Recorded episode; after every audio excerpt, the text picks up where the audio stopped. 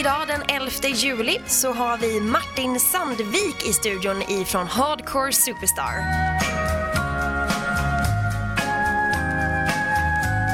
Hej på er alla fantastiska Pirate Rock-lyssnare. Mitt namn är Martin Sandvik och jag är basist i Göteborgsbandet Hardcore Superstar. Som jag tror att de flesta som lyssnar på Pirate Rock känner till på ett eller annat sätt. Och jag driver även en studio i Göteborg där jag producerar musik med andra artister. Och när jag fick förfrågan om att göra det här programmet tänkte jag direkt, fy fan vad roligt. Då ska jag gå igenom soundtracket i mitt liv, vilka band och artister som har inspirerat mig genom åren.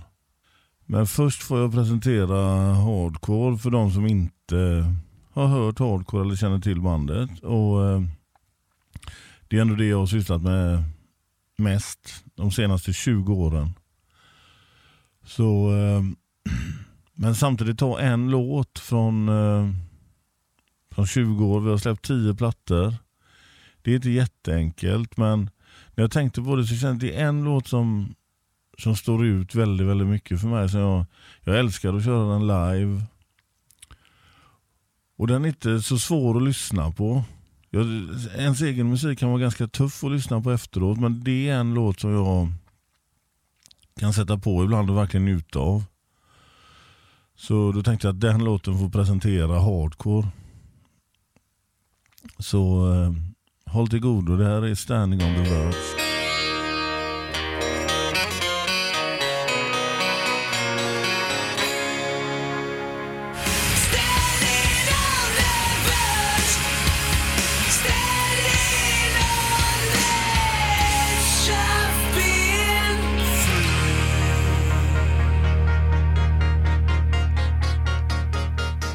Det var alltså Standing on the Verge med Hardcore Superstar. Bandet som jag har spelat i de senaste 20 åren och spelar fortfarande i. Jag tänkte även att jag skulle fortsätta lite med den här eh, egotrippen och eh, spela en låt med ett band som heter Dismissed som jag producerade för ja, ett år sedan. Och vi hade en extremt skön tid i studion. Vi verkligen synkade tillsammans och fick det det kändes att vi lyfte varandra. Bandet lyfte mina idéer och jag lyfte deras idéer. Så eh, ja, jag tänkte bara spela den för er också så har jag presenterat mig själv och vad jag sysslar med rent musikaliskt. Sen går vi tillbaka till, min, eh, till mitt soundtrack av mitt liv. Men här kommer Leave It On The Water med Dismissed.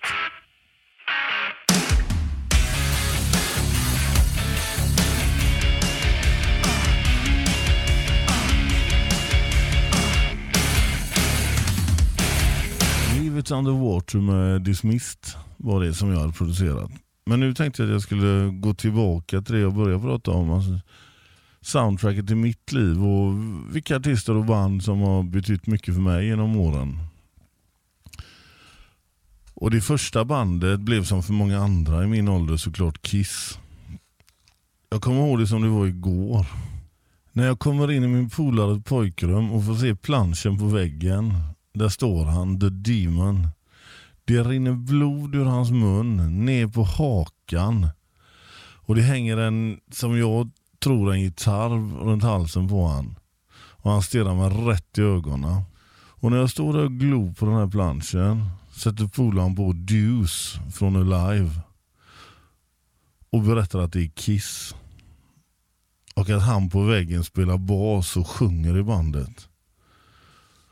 Och jag kommer ihåg att jag gick direkt hem och tjötade förmodligen hål i huvudet på morsan. Om att vi skulle gå och köpa Kiss Alive. Och det lyckades jag med. Efter mycket om och men ska tilläggas. Men, eh, men när vi kommer ner till skivaffären så hade de inte den. Så jag köpte Destroyer. Och herre min skapar. När jag fick höra Detroit Rock City, King of the Nighttime World. Och sedan kom den anledningen till att jag dedikerade mitt liv till musik. God of Thunder. Så håll till godo. Okay.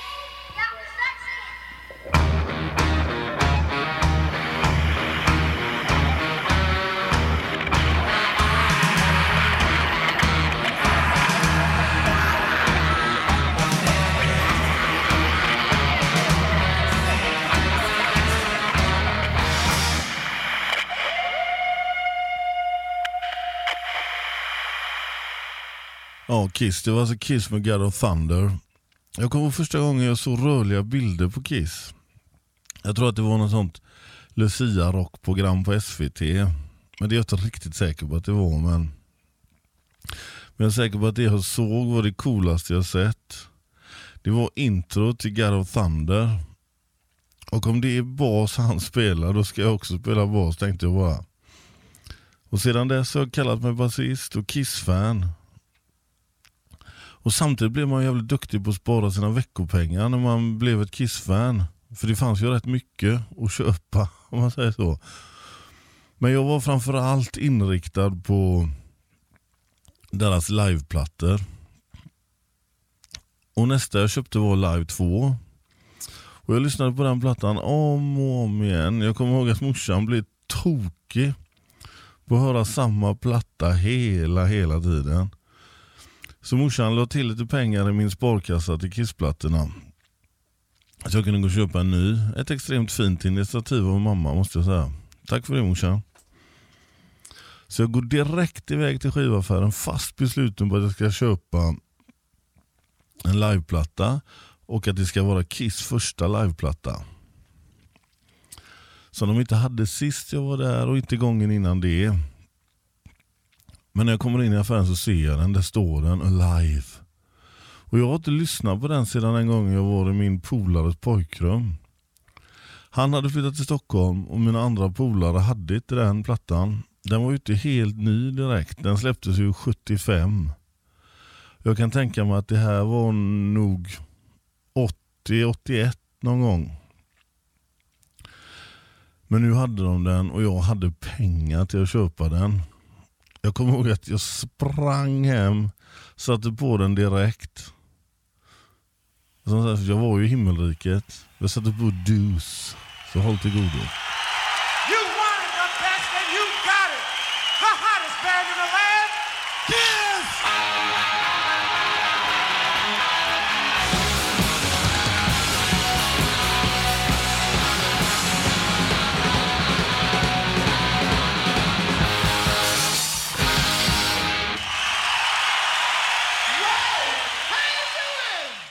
Deuce med Kiss. Kiss, jag kan prata hur länge som helst om dem. Jag tänkte att vi skulle gå vidare i mitt livs soundtrack. Kiss hade ju fått in mig på liveplattor med sina fantastiska Live och Live 2. Så när jag hade lyckats spara ihop lite mer pengar och gick ner till skivaffären igen. Då hade jag bestämt mig för att jag skulle köpa en liveplatta. Och jag vet att jag stod där och höll i Live and Dangerous med Lizzy. Strangers in the Night med UFO. Men valde till slut Unleashed in the East. Och fick upp mina ögon för Judas Priest. Jag kommer ihåg när jag sätter på skivan i skivaffären och Exciter går igång. Jag förstår inte vad jag lyssnar på. För det är så jävla hårt och Rob Halford sjunger som om man kommer direkt från helvetet. Det kändes farligt att lyssna på, som att det inte, inte var okej okay att lyssna på riktigt. Men jag älskade verkligen den plattan och lyssnade på den hela tiden. Det är en låt där som jag måste ha med på mitt soundtrack. Och det är den här. Victim of Changes från Unleashed in the East med Judas Priest. Håll till godo.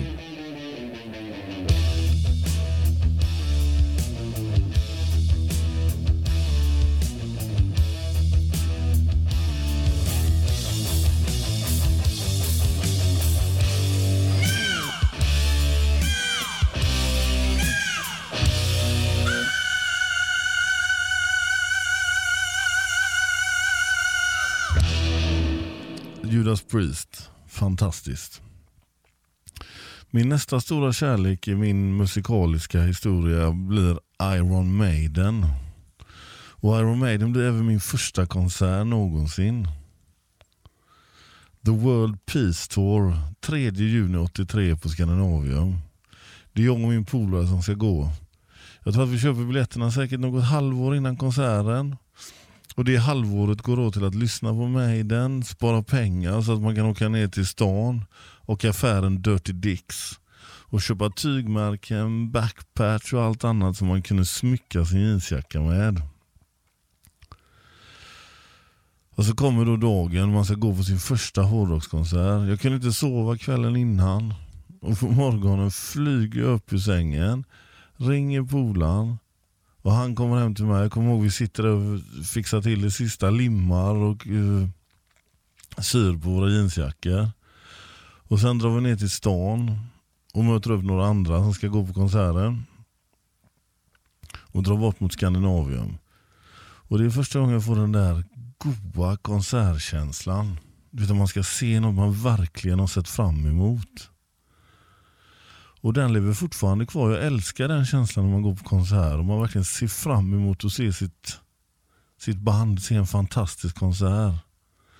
Det är en grym känsla. Den första låten jag hörde med Maiden som fortfarande är lika fantastiskt och verkligen har klarat tidens tand. Det är Hallowed be thy name från skivan Number of the Beast.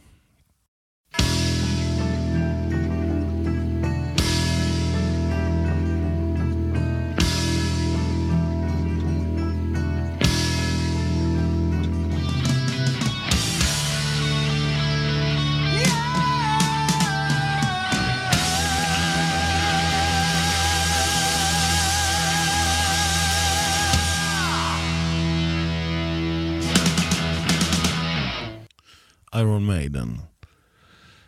Den där konsertkänslan jag pratade om, den var fantastisk. Jag älskade verkligen att gå på konsert och det gör jag fortfarande.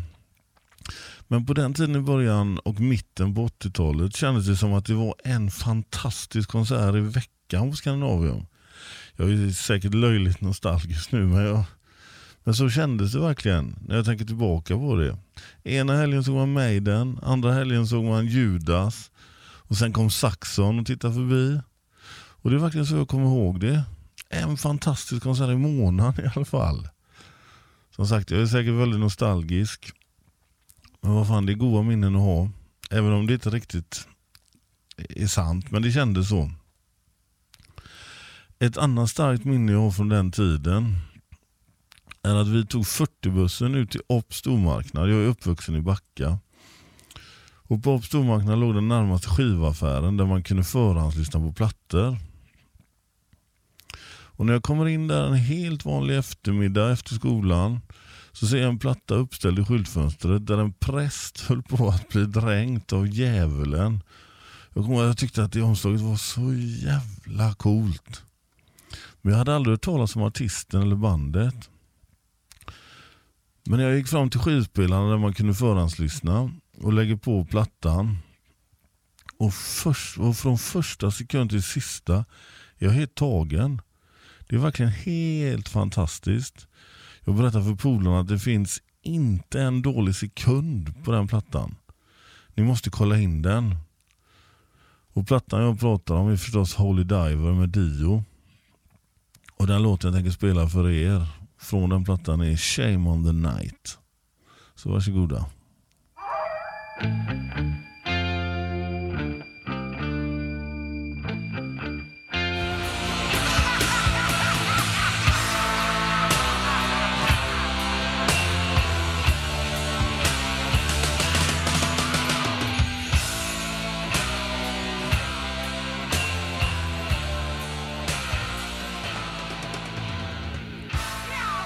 Dio, Shame on the Night.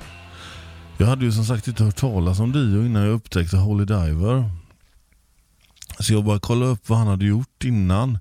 Och det får man ju säga, snacka om att springa rätt in i en kullgruva. Jag kommer ihåg att jag står där i skivaffären på stormarknaden med både Live Evil och Rainbow Rising i varsin hand och kan inte bestämma vilken jag ska lyssna på först. Men då säger killen som jobbar i skivaffären, som är lite äldre än mig, du måste kolla in Rainbow. Det är Richard Blackmores band, gitarristen från Deep Purple. Men för mig på den tiden var Deep Purple ett gäng gubbar som morsan lyssnade på och spelade gubbrock. Den uppfattningen har jag ändrat på idag och får nog ändå kalla mig ett stort Purple-fan. Så jag tänkte jag skulle spela en låt från den fantastiska plattan Perfect Strangers. Ytterligare en platta som har betytt extremt mycket för mig. Så eh, håll till godo Knockin' at your back door med Deep Purple från plattan Perfect Strangers. Varsågod.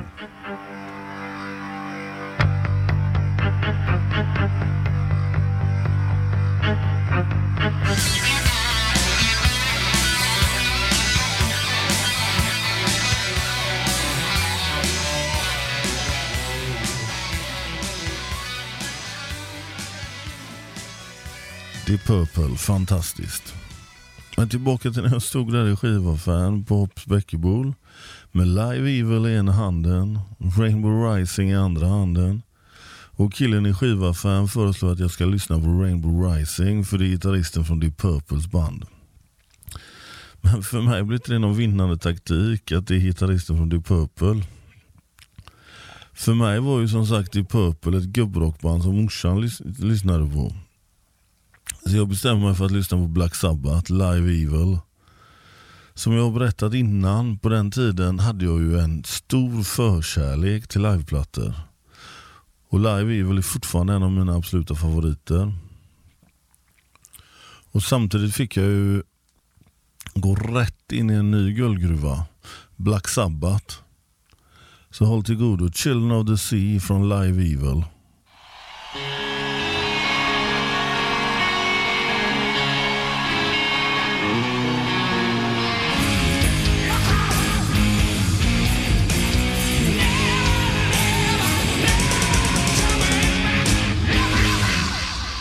Black Sabbath, Children of the Sea. Ett annat band som betytt oerhört mycket för mig och för vårt band också är Motörhead. Jag kommer ihåg ett tillfälle som var fantastiskt roligt. Det var någon gång 85-86. Och jag lyssnade sket mycket på Motörhead då. Jag var och kollade på dem på Frölundaborg. Och det var fredag eller lördag, det kommer jag inte riktigt ihåg. Men samtidigt på den tiden brukade vi bada och sola solarium, våra Ramada hotell i Brunnsbo. Och man var tvungen att boka tid i förväg. Och vi hade bokat tid dagen efter Motörheads konsert. Jag kommer ihåg när vi kom ner på våra cyklar till Ramada hotell. Står det en massa Motörhead-fans utanför hotellet och vi tänker inte mer på det. Men när vi ska gå in står det en vakt i dörren och vill inte släppa in oss. Han säger Jag har sagt till er, ni får vänta tills de kommer ut. Och då förstår vi att shit, Motörhead bor på hotellet. Nu i efterhand förstår jag vakten. Att han trodde att vi var, där för att jaga autografer. För vi såg ju likadana ut som alla andra som stod där ute och väntade på Motörhead. Men vi sa ju till vakten att vi är här för att, att vi har bokat tid till solariet. Men han trodde ju inte ett skit på det. Så han tog med oss till repan och frågade om någon hade bokat tid till solariet. Och hon som arbetade i repan sa, ja visst, en Martin Sandvik har bokat fyra tider. Så han frågade om mitt lägg och jag visade det. Och sedan var han tvungen att släppa in oss. När vi kom in till poolen där solariumen ligger, då sitter ju alla i Motörhead här utan Lemmy. Men ni kan ju fatta att vi tappade hakan. De satt där i några solstolar i baren som låg där vid poolen. Phil, Wurzel och Pete Gill. Som vi hade sett några timmar innan på Frölundaborg. De var jävligt coola och jävligt snälla mot oss. För vi gick ju fram och tog autografer. Och berättade att vi hade varit där kvällen innan. Och de började prata och jag kommer ihåg att Phil frågade om vi ville ha något att dricka. Och vi svarade ja. Vi trodde att vi skulle väl få en Cola eller Fanta var. Men in kommer det drinkar. Så jag kommer ihåg att vi blev gärna lite på lyran där. Och fick leda hem cyklarna. Jag kommer ihåg det så väl när jag kom, kom hem så frågade morsan Vad fan har du gjort? Du är ju full. Ja, jag har träffat Motörhead. Så jag bara och var så jävla nöjd. Så här kommer Chase is better than the catch. Motörhead.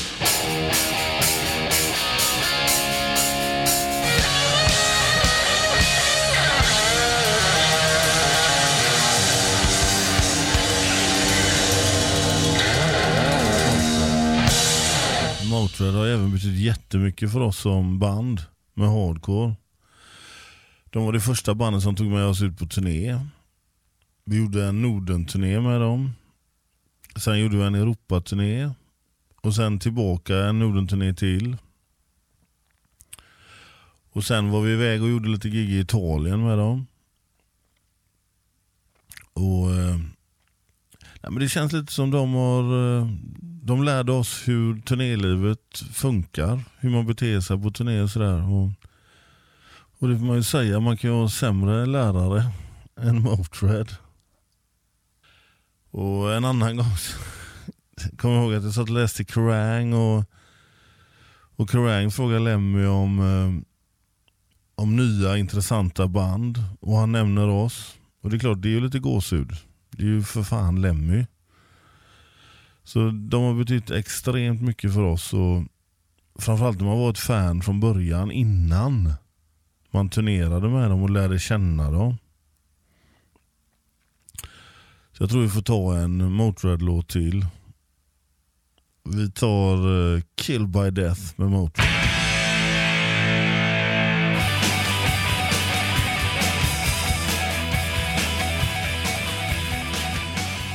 Ett annat band som har betytt oerhört mycket för mig och även för hardcore som band. Det är ACDC. De har vi ju spelat rätt så mycket med. Vi har öppnat upp för dem på Ullevi, vi har öppnat på, på Stockholms stadion. Vi har öppnat eh, Stadio dell'Alpi i Turin. Men framförallt kommer jag ihåg en gång när vi skulle öppna på Stockholms stadion. Och eh, Det var så coolt. De hade riggat alla sina grejer. Och vi får tillgång till scenen någon gång mitt på dagen där. Och det strular sig med våran backline och framförallt våra trådlösa grejer. Så vi får inte ordning på det. Men eh, men då är de så jävla coola i ACDC's crew där så de de ser verkligen till och hjälper vårat crew att få ordning på det. Så mer eller mindre hela ACDC's crew står och jobbar med våra grejer. Och vi får låna rätt mycket från dem och sådär. Men, eh, men det är så coolt att se att ett band är på det sättet. Det, det gör bara ACDC ännu coolare.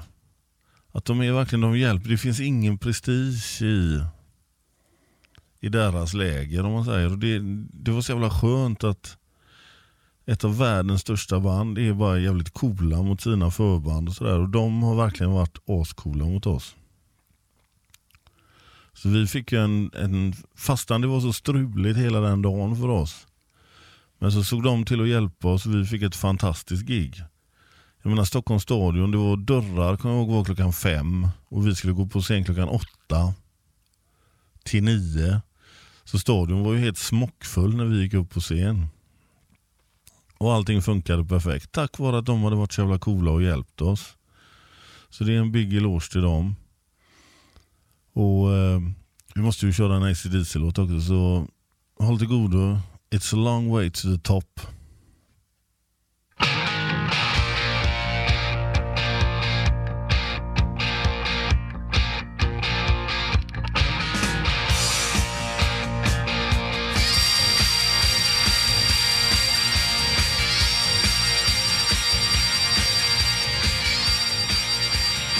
ACDC, fantastiskt band.